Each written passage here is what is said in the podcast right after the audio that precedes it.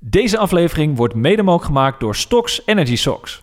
Zij produceren revolutionaire sokken die de bloedcirculatie bevorderen en afvalstoffen sneller vanuit de benen afvoeren. Daardoor voel je als hardloper beter en krijg je minder last van je benen na afloop van een flinke inspanning. Ja, ik hoorde toen op het begin van mijn, van mijn hardloopcarrière ook vaak al mensen... ja, je verliest toch niet van die roker of uh, dat, dat zijn gewoon dingen die je wel eens hebt gehoord. Uh, dat maakt mij dan zo gretig om te laten zien van ja, weet je, we zijn pas net begonnen en uh, het beste moet nog komen, zeg maar. Hij begon zijn sportcarrière als handballer en buiten het handbalveld had hij nog nooit eerder hard gelopen. Tot hij begin oktober 2011 op een terrasje in Breda zat met zijn vader, genietend van een biertje en een sigaretje. En hij een belofte deed om de volgende dag samen met hem de singelloop te gaan lopen.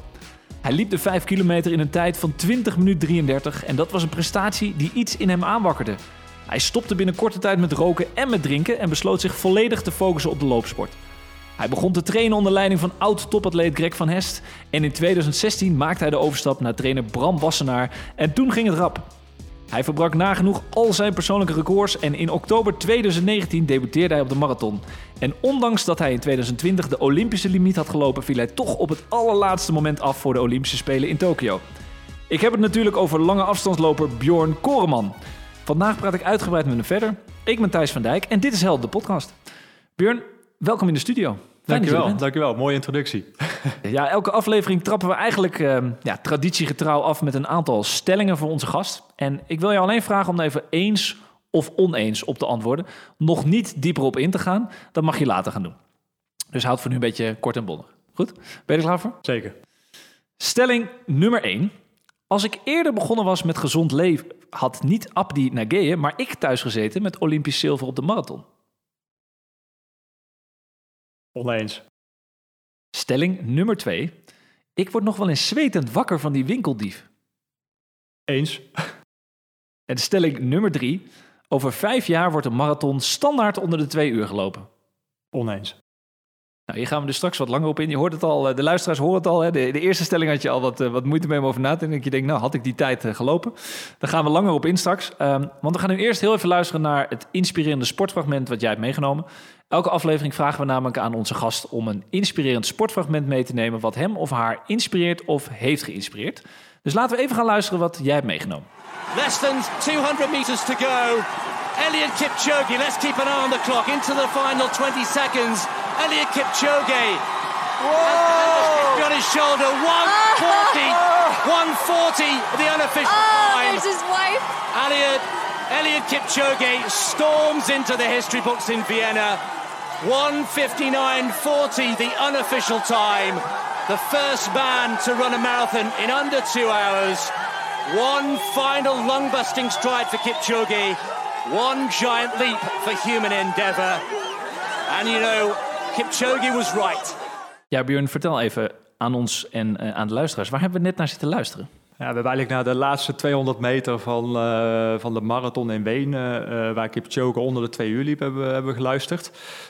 dat is voor mij eigenlijk het mooiste moment in de marathonsport ooit. Eigenlijk het onmogelijke uh, heeft hij waargemaakt. En dat is dus een marathon onder de twee uur lopen. Uh, als je alleen al bekijkt, zeg maar, de hazen die werden ingezet voor dit evenement. Uh, het waren er geloof ik 42. De absolute wereldtop, medaillewinnaars op Olympische Spelen... die per atleet maar vijf kilometer konden hazen, zeg maar, omdat het tempo zo hoog ligt. Ja, dan heb je het echt over een hele grote atleet die, die zoiets waarmaakt. En het, het evenement was helemaal voor hem zo neergezet om het echt, ja, uh, alles, alles eraan doen, zeg maar, om onder die twee uur te lopen. En ja, hij heeft het daar ook gewoon waargemaakt in zijn tweede poging. Dus uh, ja, schitterend. En wat, wat voor inspiratie brengt dat voor jou dan mee? Ja, hij zegt altijd no human is limited. Uh, dat is toch wel iets uh, wat hij altijd, altijd meeneemt. En hij laat ook altijd zien dat hij uh, gewoon niet in grenzen denkt, zeg maar. Dus hij wil altijd meer laten zien. En ik geloof dat nu zijn volgende stap ook gewoon is om ooit die marathon nog onder de twee uur te lopen in een echte stadsmarathon. dat is nog een stapje hoger. als iemand het kan doen, dan is hij het. en hij liet nu ook op de Olympische Spelen gewoon weer zien, ondanks dat we toch een zilveren medaille hebben met Abdi Nageye, dat hij gewoon echt de absolute top is. Dat er gewoon niemand beter is dan dat hij is. En wat maakt hem nou eigenlijk buiten zijn sportieve prestaties zo'n bijzonder mens voor jou? Uh, ja, ze noemen hem ook wel de filosoof. dus, super spiritueel is hij ook. Het is echt hoe hij alles ook benadert. je ziet het ook gewoon in zijn interviews. super rustig, maar enorm veel zelfvertrouwen. waardoor dat ja, gewoon als persoon, ik heb hem een paar keer mogen ontmoeten, gewoon echt een voorbeeld voor mij is. Dus echt... En zijn er dan ook eigenschappen als de filosoof die je dan in jezelf terugziet? Of zijn er nog andere eigenschappen van hem die, die jij ook hebt of misschien wel zou willen hebben? Ja, ik heb eigenlijk in het begin van mijn hardloopcarrière dacht ik eigenlijk altijd gewoon van nou, uh, deze wedstrijd ga ik 31 eh, minuten lopen op de 10 kilometer. Uh, en als ik dan de eerste kilometer te hard startte, dacht ik ja, nu heb ik een probleem, want dan ja, nu verpest ik het gewoon voor de rest van de wedstrijd. En juist door zijn instelling eigenlijk ook mee te nemen in mijn eigen wedstrijden van ja, misschien voelt het vandaag wel gewoon goed.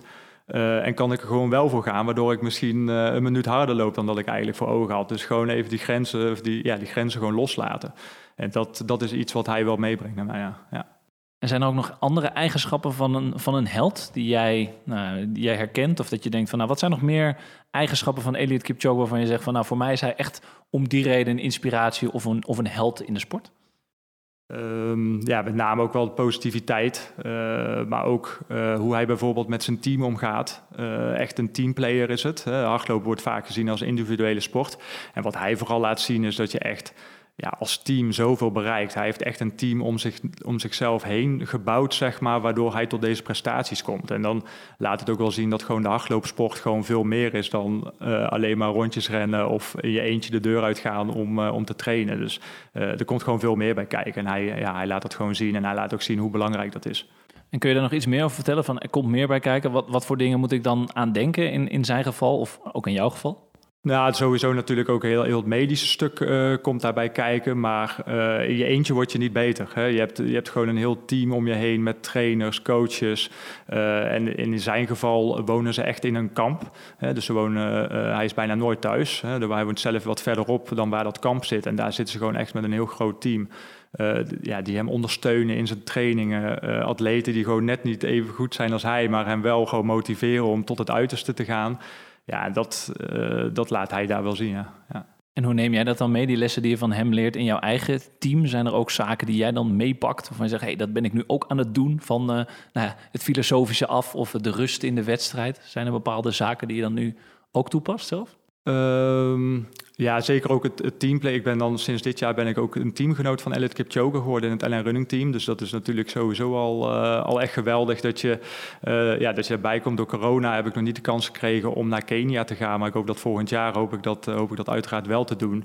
En dan nog meer eigenlijk daarvan mee te krijgen om te kijken hoe ik dat nog meer toe, toe kan gaan passen in mijn eigen hardloopcarrière.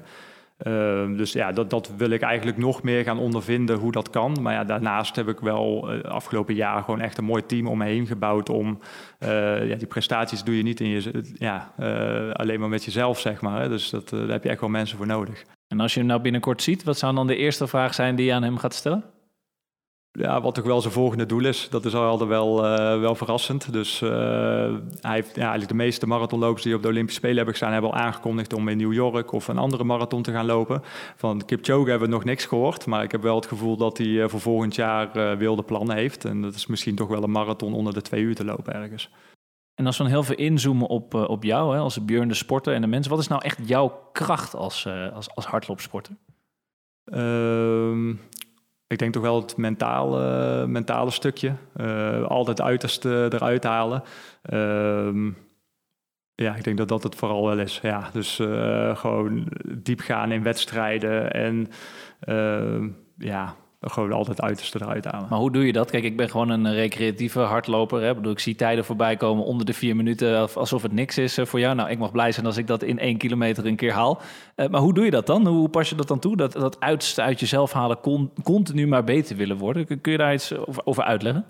Ja, dat is misschien toch wel ook een beetje waar je vandaan komt. Een beetje het, uh, het ongelijk bewijzen, zeg maar. Ik heb natuurlijk een hele ongezonde jeugd gehad. Uh, wild uitgaansleven, uh, gerookt. enorm ongezond. En uh, eigenlijk, ja, ik hoorde toen op het begin van mijn, van mijn hardloopcarrière ook vaak al mensen, ja, je verliest toch niet van die roker, of uh, dat, dat zijn gewoon dingen die je wel eens hebt gehoord. Uh, dat maakt mij dan zo gretig om te laten zien van, ja, weet je, we zijn pas net begonnen en het beste moet nog komen, zeg maar. Dat heb ik nu ook zelfs nog na die twee marathons, dat ik sowieso heb, ja, natuurlijk baal ik ervan dat ik niet op de Olympische Spelen stond, maar ik heb pas twee marathons gelopen. ik liep een PM met 6,5 minuten tussen mijn eerste en mijn tweede marathon, dus die, ja, de, de rest moet gewoon nog komen. Dus uh, en, ja, dat maakt me gewoon gretig. Ja, ja dus eigenlijk uh, no human is limited. Vooral Björn Koreman uh, niet, zoals ik het zo hoor. nou, dat is een mooi bruggetje naar de, de allereerste stelling. de stelling nummer 1, waar je best wel wat langer over na moest denken. Als ik eerder was begonnen met gezond leven, had niet Abdi Nageye, maar ik thuis gezeten met Olympisch zilver op de marathon. Na enig twijfelen zei je daar toch nee op. Um, kun, je dat, kun je dat toelichten, waarom je daar nee op zei? Ja, de meest voorkomende vraag die ik altijd krijg van... heb je dan geen spijt dat je pas zo laat bent begonnen... dat je vroeger ongezond hebt geleefd? Want wat als je dat allemaal niet had gedaan? Um, maar dat kan ik heel goed bij me neerleggen. Het is, gaat zoals het gaat. En ik uh, ben ervan overtuigd dat ik nu zo hard loop... door alles wat ik heb meegemaakt... Uh, door juist zo geleefd te hebben, uh, maakt het me nu gretig om juist het, uiterste eruit te halen. En ik denk als ik misschien dat niet had gedaan, had ik nu nog gewoon in een vriendenteam gehandbald. Uh, dus ik ben hartstikke blij met hoe het nu is gegaan. En ik, ik, kijk er eigenlijk nog ineens naar van, ja, wat als, zeg maar. Dat, dat komt bij mij eigenlijk niet voor. Nou, dat is mooi om te horen. Maar waar ik ook benieuwd naar ben van, hoe doe je dat eigenlijk? Weet je, dat is waarschijnlijk een van de meest gestelde vragen in een van de interviews. Hè? Hoe verander je nou van een bierdrinkende, rokende handballer in een, nou ja, in korte tijd best wel succesvolle lange afstandloper. Hoe ging dat proces, Björn? Ja, altijd uh, ook op redelijk niveau gehandbald, maar nooit heel serieus aangepakt. Wat Brabant selecties, Jong Oranje, uh, ja, gewoon leuk, maar nooit heel serieus aangepakt eigenlijk. En dat, dat kon nog prima te combineren met een sigaretje en, uh, en met een biertje. Uh, totdat ik inderdaad op een gegeven moment met mijn vader op het terras zat, of met mijn ouders zat ik op het terras. Mijn vader had zich al ingeschreven voor de 10 kilometer de volgende dag. Zei ik, nou ik doe ook al mee, maar dan doe ik de 5 kilometer. En uh, dat ging eigenlijk redelijk, redelijk goed. althans, het was nog geen wereldtijd, maar het was wel zoiets van, ja op zich als je rookt en nooit hebt getraind, dan is 5 kilometer in 20 minuten is best prima ja, toen nog niet meteen zoiets, moeten we meer mee gaan doen. Een jaar gewacht totdat ik weer meedeed. Uh, nog steeds rokend, nog steeds uh, drinkend. Uh, um, ja, deed ik, nog, deed ik gewoon nog een keer mee. Toen liep ik precies een minuut harder. Um, daarna hadden we zoiets van, ja, misschien moet ik toch iets meer gaan trainen. Dus toen ben ik uiteindelijk bij Greg van Nest inderdaad uitgekomen. Ben ik wat gaan trainen. Dus eigenlijk was ik stiekem nog aan het roken, een half jaar nog. toen liep ik onder de 18 minuten op de 5. Uh, toen had ik zoiets van, ja, bij deze wedstrijd, dat was eigenlijk mijn laatste wedstrijd ook, dat ik nog rookte. Toen had ik zoiets, nou, ik rook dit pakje sigaretten op. En uh, ja, dan is het gewoon klaar. Dan moet ik gewoon gaan trainen en dan de sigaretten laten we achterwege en, uh, en gaan we door. En sindsdien heb ik ook nooit meer een sigaret aangeraakt. Dus uh, het pak, pakje zat nog, zat nog aardig vol volgens mij, maar die hebben we gewoon laten liggen. Maar dat, dat klinkt heel makkelijk, hè? Zo van, nou, ik rook dat pakje op en klaar. Maar wat is het proces wat daar vooraf ging? Was, dat moet toch een, een keerpunt zijn geweest waarvan je dacht, oké, tot hier en niet verder. Want ja, je was succesvol, je liep ieder jaar sneller en toch besloot je om dat te doen. Wat, wat ging er dan in jouw hoofd om? Ja, je, je, had natuurlijk al wel langer dat gevoel, ik moet stoppen met roken. Maar ja, de meeste mensen die inderdaad roken, die stoppen niet zomaar eventjes. Je hebt wel vaak wat nodig en iedereen om je heen kan roepen van je moet stoppen. Maar als je zelf niet wil stoppen, dan houdt het ook op. Dus ik zat er al wel langer tegenaan uh, te hikken van ja, ik moet toch wel stoppen. En uiteindelijk was gewoon die wedstrijd, was een vierde plek. Uh, ja, er is niks zuurder dan een vierde plek natuurlijk. Dus uh, ik denk dat dat uiteindelijk de trigger was geweest van ja, dit pak je rook ik op en dan is het gewoon klaar. En vanaf dan ga ik stappen zetten.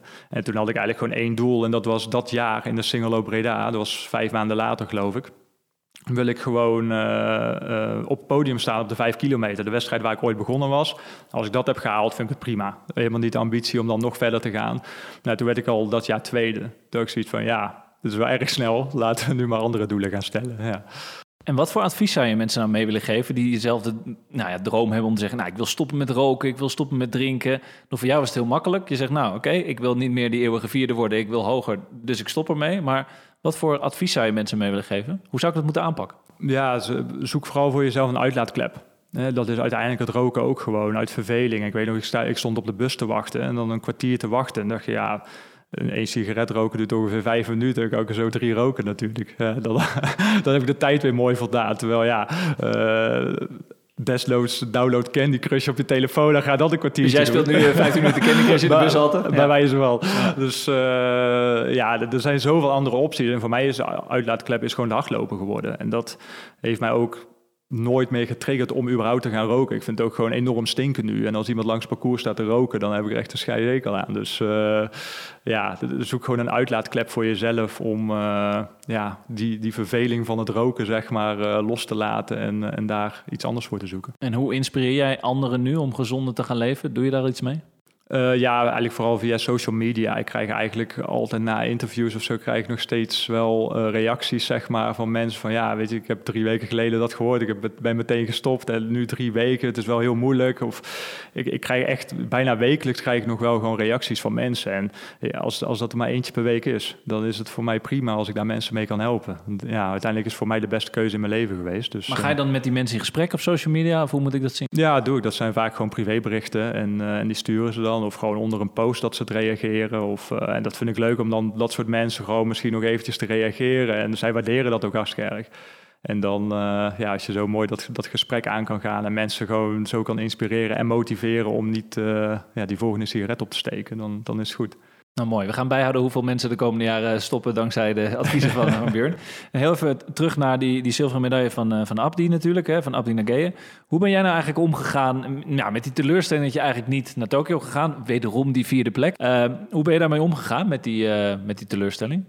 Uh, ik heb me er wel goed bij neer kunnen leggen in eerste instantie. Gewoon, je zag hem al een beetje aankomen, alleen de kwalificatie uh, het kwalificatieproces was gewoon heel apart. We moesten allemaal nog een presentatie komen geven om te kijken of dat ze niks over het hoofd zagen, waardoor je dus uh, jezelf een soort van kon verkopen, om, uh, ja, waardoor ze je wel mee zouden nemen.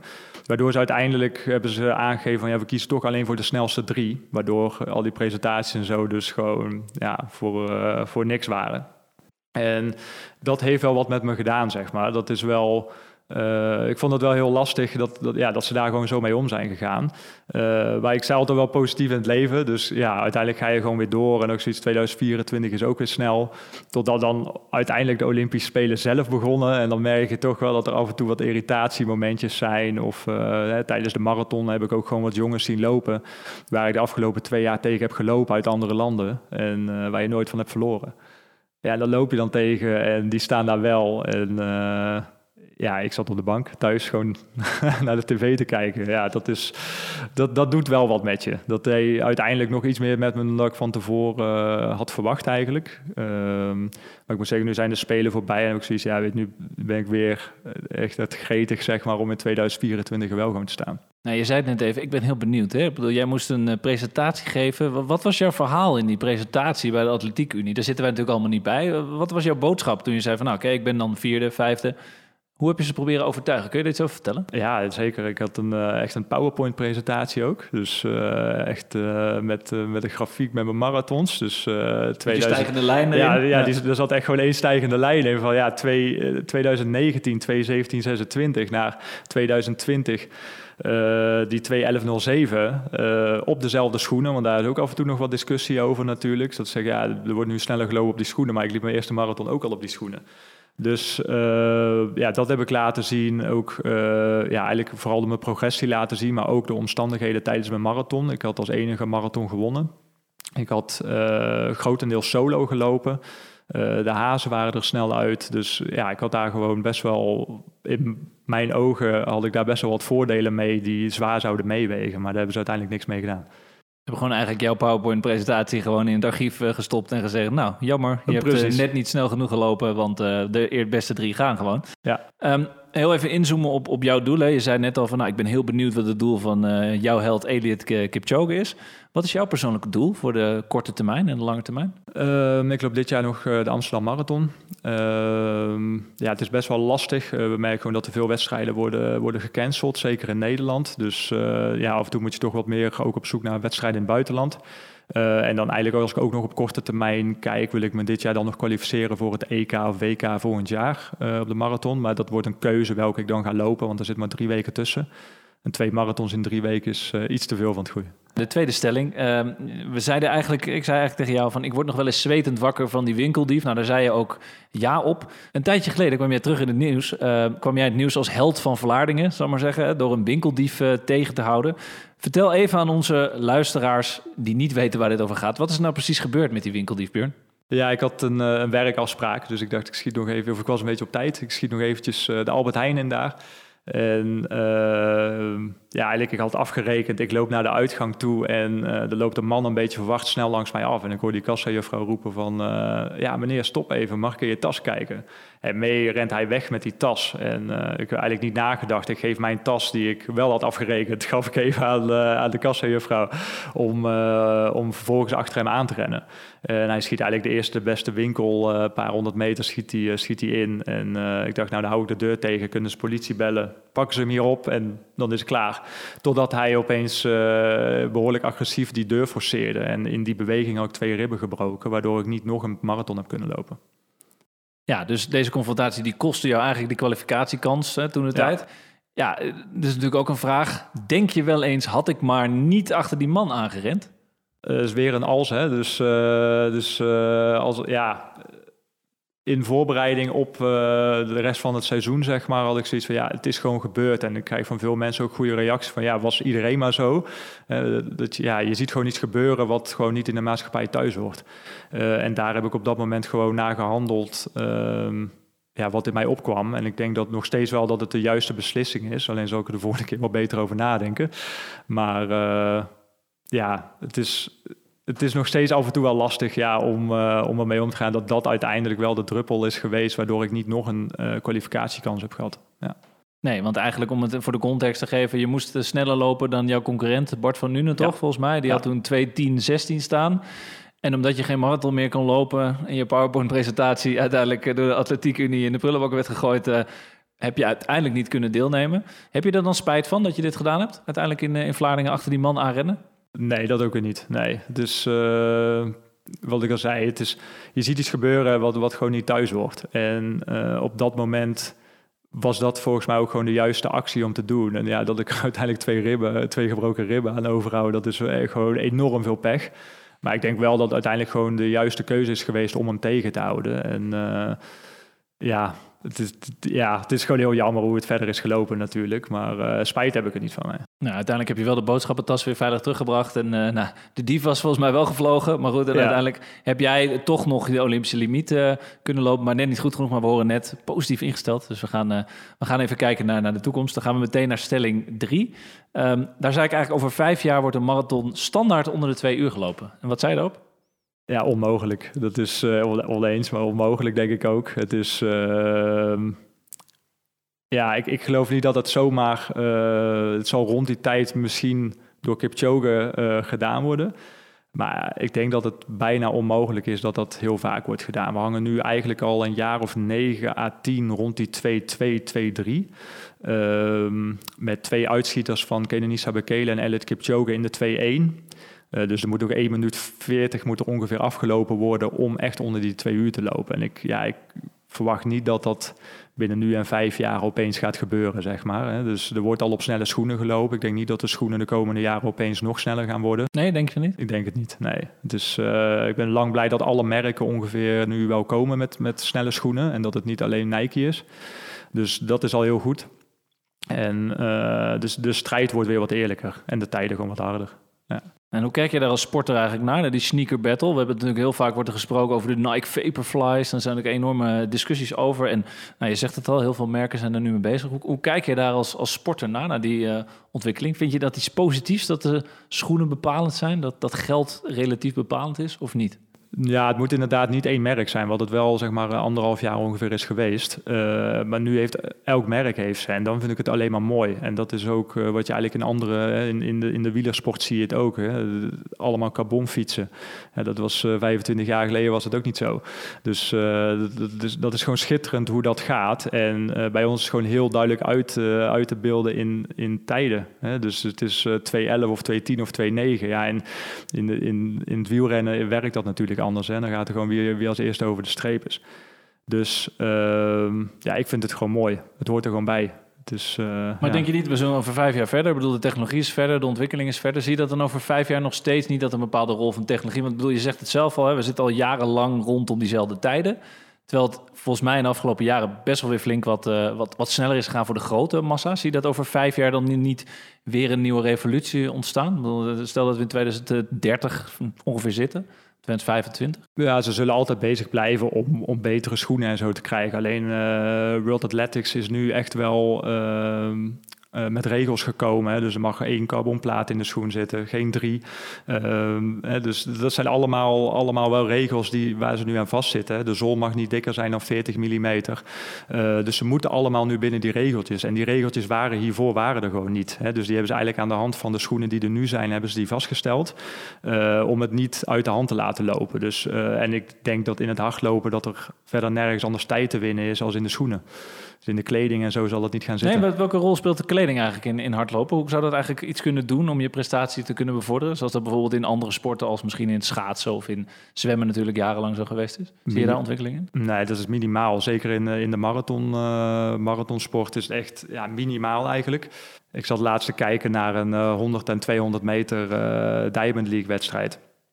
En uh, dat, daar zag je eigenlijk de hele line-up, allemaal losse haren en uh, langer, ja, langer kon je gewoon niet inbeelden, zeg maar. Dan vraag ik me af, ja, wat, dan kan dat echt wel hinder, onder, uh, hinder ondervinden, zeg maar, voor, voor de prestatie uiteindelijk. Dus ik denk dat op zo'n 100 en 200 meter dat het best wel een verschil kan maken. Maar in de marathon geloof ik niet dat het heel veel, heel veel verschil uitmaakt. Nee.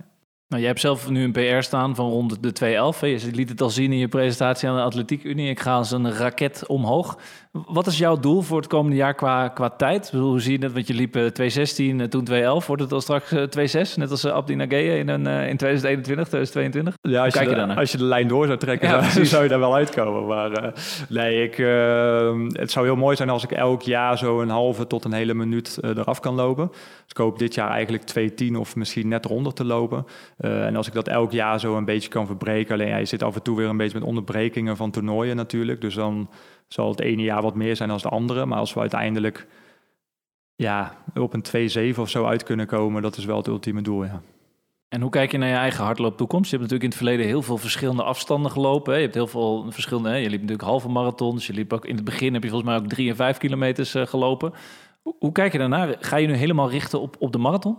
Ja, marathon is uiteindelijk wel echt het doel. Maar ik heb, uh, dit seizoen heb ik ook gewoon uh, vijf kilometers op de baan gelopen. En we merken wel dat dat niet mijn afstand is. Maar uiteindelijk loop ik omdat ik het leuk vind. En ik vind het ook hartstikke leuk om die vijf kilometer mee te pakken. En ik weet ook gewoon door die vijf kilometer hard te lopen, dat neem ik die basissnelheid neem ik gewoon weer mee naar de marathon. Dus uiteindelijk blijf ik al die onderliggende afstanden ook gewoon meepakken. Ten eerste omdat ik het leuk vind, maar ook omdat je er sneller van wordt. En uiteindelijk is gewoon die marathon, daar moet allemaal gaan gebeuren, ja. Maar wat maakt zo'n marathon dan zo bijzonder om te lopen? Neem ons daar eens in mee. Want bedoel, veel mensen zullen zeggen, ja, je bent gek om 42 kilometer te gaan lopen. Wat, wat maakt dat voor jou zo enorm speciaal dan? Ja, het is niet uh, zozeer alleen de marathon uh, zelf. Ik vind een heel traject ernaartoe. Dus eigenlijk zeg maar zo'n acht weken van tevoren begint, begint bij mij echt het specifieke acht à tien weken van tevoren. en eigenlijk heel dat project zeg maar ernaartoe, dat is, ja, dat is gewoon echt super gaaf. Je maakt elke week maak je meer kilometers. Uh, je voelt je steeds fitter worden. Tussendoor loop je nog even een wedstrijd, bijvoorbeeld een halve marathon of een 10 kilometer, die je eigenlijk met de marathonvoorbereiding loopt. En dan loop je vaak ook nog gewoon een PR, omdat je gewoon super fit bent. Uh, dus heel dat, heel dat traject eigenlijk na die, uh, na die dag toe is, is al super gaaf. Ja, en als op die dag zelf alles op zijn plek valt, wat ik eigenlijk nu twee keer wel redelijk heb gehad, dan ja, dat is gewoon magisch. En bedoel, nou, ik zie mezelf nooit de 42 kilometer lopen. Nou, jij doet het uh, een paar keer per jaar. Als je dan kijkt naar dat, dat herstel, hè, dus hoe herstel je nou eigenlijk van zo'n dergelijke inspanning? Hoe moet ik dat voor me zien? Je hebt het over het voortraject, maar goed, zo'n natraject is er nou ook. Wat, wat gebruik je daarvoor dan? Ja, dat is wel belangrijk hoor. Dat is vooral uh, eerst een week uh, niks doen. Dat is echt, uh, want het is echt een aanslag op je lichaam natuurlijk om 42 kilometer hard te lopen. En zeker op een hoog tempo, dan, dan ja, dat, dat voel je gewoon nog lang na. Dat is echt wel. Uh, dus ik ben eigenlijk al bij de, bij de marathons ben ik echt met een blessure geëindigd eigenlijk. Dus dat ik echt twee, drie weken gewoon mank liep of last van mijn knie had. Of ja, dat moet je ook gewoon de tijd geven. Maar uiteindelijk is dat ook wel. Ja, die tijd moet je jezelf ook gewoon geven. Want je hebt gewoon al die weken zo hard getraind en alles ervoor gelaten, zeg maar, om op die dag te kunnen pieken. En ja, dan moet je jezelf ook gewoon even wat rust gunnen. Maar heb je dan ook speciale kleding aan om blessures te voorkomen? Hoe moet ik dat voor me zien? Kijk, ik loop gewoon in mijn hardloopkloffie en ik ga naar buiten op mijn Vaporflies in dit geval niet, maar misschien op mijn Essex. Ja, uh, wat, voor, wat voor kleding draag je dan om dat te voorkomen? Heb je manieren om dat, uh, ja, dat, dat herstel te bevorderen of ervoor te zorgen dat je fysiek nou ja, minst last hebt? Uh, ik draag sowieso altijd na wedstrijden compressiesokken. Dus dat is echt uh, zeker ja, recovery sokken om, om sneller te herstellen. Uh, daarnaast pak ik nog even een cryootje of, of een goede massage. Maar daar moet je ook weer een beetje mee oppassen met die massage. Dat dat niet te snel gebeurt, zeg maar. Nou, dat kan toch wel wat spierschade met zich meebrengen. Ehm, dus ja, eigenlijk dat soort dingen doe ik vooral na, het, na zoninspanning. En heb ik daar dan als leek ook wat aan om compressiesokken aan te doen? Wat, wat levert mij dat op dan? Waarom zou ik dat, dat dragen? Ja, zeker. Dat is altijd goed voor de doorbloeding. Uh, dus voor de doorbloeding eigenlijk, uh, zeker vanuit de enkel zeg maar, naar, naar het bovenbeen toe, is dat enorm goed. Dus ook via lange trainingen of juist intensieve trainingen, deze tijdens sporten gebruikt. Uh, en vaak draag ik ze ook als ik gewoon echt pijntjes heb, bijvoorbeeld in mijn kuit of zo, om die doorbloeding gewoon een beetje op gang te helpen. dus dan gebruik ik ze vaak. En daarnaast eigenlijk die recovery socks, standaard na een zware training, als ik s'avonds op de bank lig, dan doe ik ze gewoon aan om ook weer die doorbloeding op gang te helpen. Ja. Oh, dus je kan mij dat ook aanraden, gewoon om als, als hardloop, uh, hè, ja. leek gewoon een beetje die compressiesokken ervoor en ook uh, als recovery aan ja, te doen. Voor, om elke sport de pijn te hebben in mijn kuiten na afloop van het rennen. Precies, ja, maar voor elke sport eigenlijk. Hè. Of dat je nu inderdaad uh, of, of een beroep hebt dat je heel de dag op je benen staat. Dat maakt eigenlijk helemaal niks uit. Dus ja, voor alle vormen van dat het benen wel wat herstel kunnen gebruiken, zijn ze gewoon goed. Interessant. Nou, en dan uh, even de, de hardloopcarrière afsluitend. Hè. Wanneer is jouw uh, carrière geslaagd? Ik bedoel, we hebben die raketgrafiek. Straks past die niet meer op de PowerPoint-presentatie. Uh, wanneer is Björn tevreden? Want ik, ik hoor heel veel drive en ik hoor heel veel passie van... ik wil me continu blijven verbeteren. Wat is, jouw, ja, wat is je, je, einddoel? Wanneer zeg je, nou, nu is het goed geweest. Nu berg ik mijn hardloopschoen op. dat zal niet heel snel gebeuren, denk ik. Ik denk dat ik echt nog wel, nog wel lang doorga. Ehm, en ik, ik heb eigenlijk geen, uh, geen ultiem doel, zeg maar, met wat, wat ik wil bereiken. Ik wil gewoon uiteindelijk uh, over een x aantal jaar gewoon wel mezelf in de spiegel aan kunnen kijken dat ik er alles uit heb gehaald. En tot nu toe ben ik op de goede weg om dat, uh, om dat op die manier te laten zien voor wat ik waard ben. Dus, ja, maar geloof ik gewoon niet, meer. Er moet toch een einddoel zijn. Er moet toch iets zijn waarvan je zegt van nou, wauw, dat is ultiem. Dat ik mijn kinderen kan vertellen van wauw, dit heeft papa bereikt. Papa heeft net als Elliot Kipchoge onder de twee uur gelopen. Of papa heeft een gouden medaille. Kom op, er moet toch iets zijn waarvan jij zegt, this is it this is the end, of niet? Zie ik dat nou ja, kijk, ik had uh, zelf al... Ik, ik heb nog geen één internationaal toernooi had ik gelopen voor, uh, voor Nederland. En dan het eerste toernooi waar je voor kwalificeert zijn de Olympische Spelen. Uh, dus ja, ik had eerst als doel om gewoon een EK of zo te lopen. Alleen toen werd het al meteen de Olympische Spelen. natuurlijk wil ik daar nog steeds heel graag staan in Parijs of L.A. Ehm, dus ja, dat zijn uiteindelijk wel ultieme doelen die je nog wil bereiken, zeg maar. Omdat je nu al zo dichtbij bent geweest. Of eigenlijk had je er al kunnen staan, zeg maar. Dus uh, ja, dan neem ik zoiets wel mee natuurlijk als, als ultiem doel. Maar uh, ja...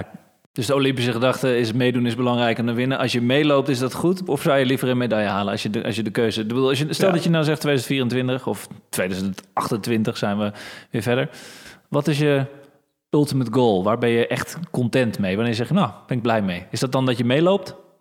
Ja, nou, dat vind ik een redelijk lastige vraag. Want het is natuurlijk... Uh, ja, Abdi Nagé heeft nu laten zien dat hij zilver heeft gewonnen. Maar dat is wel een twee uur en zes minuten loper. Uh, ik weet niet of dat binnen mijn bereik ligt. Hè, maar met een iets minder niveau kan je daar ook al meedoen. Dus ik zou ook al tevreden zijn met bijvoorbeeld een top 15 klassering. Dat zou voor mij al... Uh, enorm goed zijn. Dus voor mij is niet speciaal die medaille, zeg maar. Omdat dat gewoon, ik denk op de marathon gewoon te hoog gegrepen ligt. En ik denk dat je daarin ook wel een beetje reëel kan zijn. Maar ja, misschien is het ook, ook alleen maar goed om te zeggen top 15 dat je het ooit wel haalt. En ja, dan verras je alles en iedereen natuurlijk. Nou, we leggen die lat gewoon op die uh, top 15. Nou, stel je nou voor hè, dat wij hier over 20 jaar weer zitten. We hebben een aantal Olympische Spelen gehad. En uh, hoe hoop jij nou als Björn Koreman te worden herinnerd als persoon of als sporter? Ja, door mensen toch, denk ik, uh, de stappen, dus eigenlijk de, de, de, fases die ik zelf heb meegemaakt, uh, van het ongezonde naar het gezonde. Als ik op die manier mensen kan inspireren om ook het uiterste uit zichzelf te halen. Uh, en dat vind, ik, ja, dat vind ik vooral heel mooi, hoor. dat mensen gewoon inderdaad je kan uiteindelijk veel meer dan dat je zelf, uh, zelf denkt. En als ik dat aan mensen mee kan geven, zeg maar, dan, dan vind ik dat schitterend. En met, met die gedachte ook bijvoorbeeld naar een Olympisch Spelen of zo toewerken. Als, als mensen uh, daar iets aan hebben of zelf meenemen, of dat het nu in een sportcarrière is of een maatschappelijke carrière, dat maakt eigenlijk helemaal niks uit. Of uh, ja, noem het maar op eigenlijk. Je kan het overal in meenemen. En als ik daarin mensen kan motiveren, inspireren, dan ja, dan ben ik al gelukkig. En hoe zou je dat dan willen doen in de praktijk? Zie je dan, bedoel, je, hebt, je zegt net van nou, ik ga af en toe in gesprek met mensen die mij vragen stellen op uh, social media, maar in de toekomst, hoe zie ik dat dan voor me? Wat, wat doe je dan concreet? Nou, ook, ook wel uh, als, als speaker of zo ergens. Uh, gewoon inderdaad, of met mensen, juist coaching. dat lijkt me ook hartstikke mooi. Op, op, ja, wat ik echt mijn werk van zou willen maken, weet ik niet. maar ik vind het wel mooi om om mensen daarin te kunnen begeleiden, zeg maar, om het uiterste uit zichzelf te halen. En misschien wil ik er ook echt nog wel een andere studie naast gaan doen, om uh, ja, zelfs misschien richting kant van psycholoog of zo. Dat, uh, ik, vind het, ja, ik vind het gewoon schitterend dat je op die manier toch mensen kan sturen naar uh, het juiste pad op of iets in die richting. Ja. Over twintig jaar bij TED Talks dus eigenlijk. En dan zien we jou daar gewoon staan om jouw verhaal van, van rokende handballer tot, nou ja, misschien wel Olympisch top 15 marathonlopen of wat het ook mag worden. Nee, Björn, ik heb hier een tegeltje voor je liggen, zoals je ziet. Um, en daar mag je jouw luidspreken of jouw levensmotto opschrijven, jouw boodschap aan de toekomst. En die gaan we dan aan de, aan de heldenwall gaan we die ook vereeuwigen. Wat is nou eigenlijk de boodschap die jou zou willen meegeven aan de luisteraars en de nieuwe generaties? Ja, eigenlijk toch wel de draad van heel dit verhaal, denk ik. En dat is uh, voor mij grenzen zijn er om te verleggen. Uh, ik heb eigenlijk altijd heel veel in, in, grenzen gedacht. Wat ik eigenlijk als, als eerste voorbeeld noemde met zo'n wedstrijd. Hè. Dat je denkt van ja, ik kan dit, dus dan moet ik daar ook op weggaan, anders gaat het niet. En ik heb eigenlijk in heel mijn hardloopcarrière constant alle, elke grens die ik voor mezelf neer had gezet, die ben ik eigenlijk gewoon overheen gegaan, zeg maar. En uh, natuurlijk is het goed om, om doelen te stellen of, of wat grenzen neer te zetten, maar uiteindelijk uh, is er niks moois dan ja, die ook gewoon te verbreken. Dus de tegelwijsheid die jij gaat opschrijven is? Grenzen zijn er om te verleggen. Mooi. Nou, schrijf hem op, uh, zou ik zeggen. Uh, Björn Korman, heel erg bedankt voor jouw uh, komst naar de studio in elk geval. Leuk dat je hier was. Dit was alweer Helden de podcast en deze aflevering is terug te vinden op www.helden.media podcast. Volg onze social media kanalen en blijf op de hoogte van het laatste nieuws. Laat gerust ook een review of een reactie achter en laat ons vooral weten wat je van deze aflevering vond. Volg de podcast op Spotify of een van de andere podcastplatformen en zorg dat je niks mist van deze mooie sportverhalen. Ik ben Thijs van Dijk en tot de volgende keer.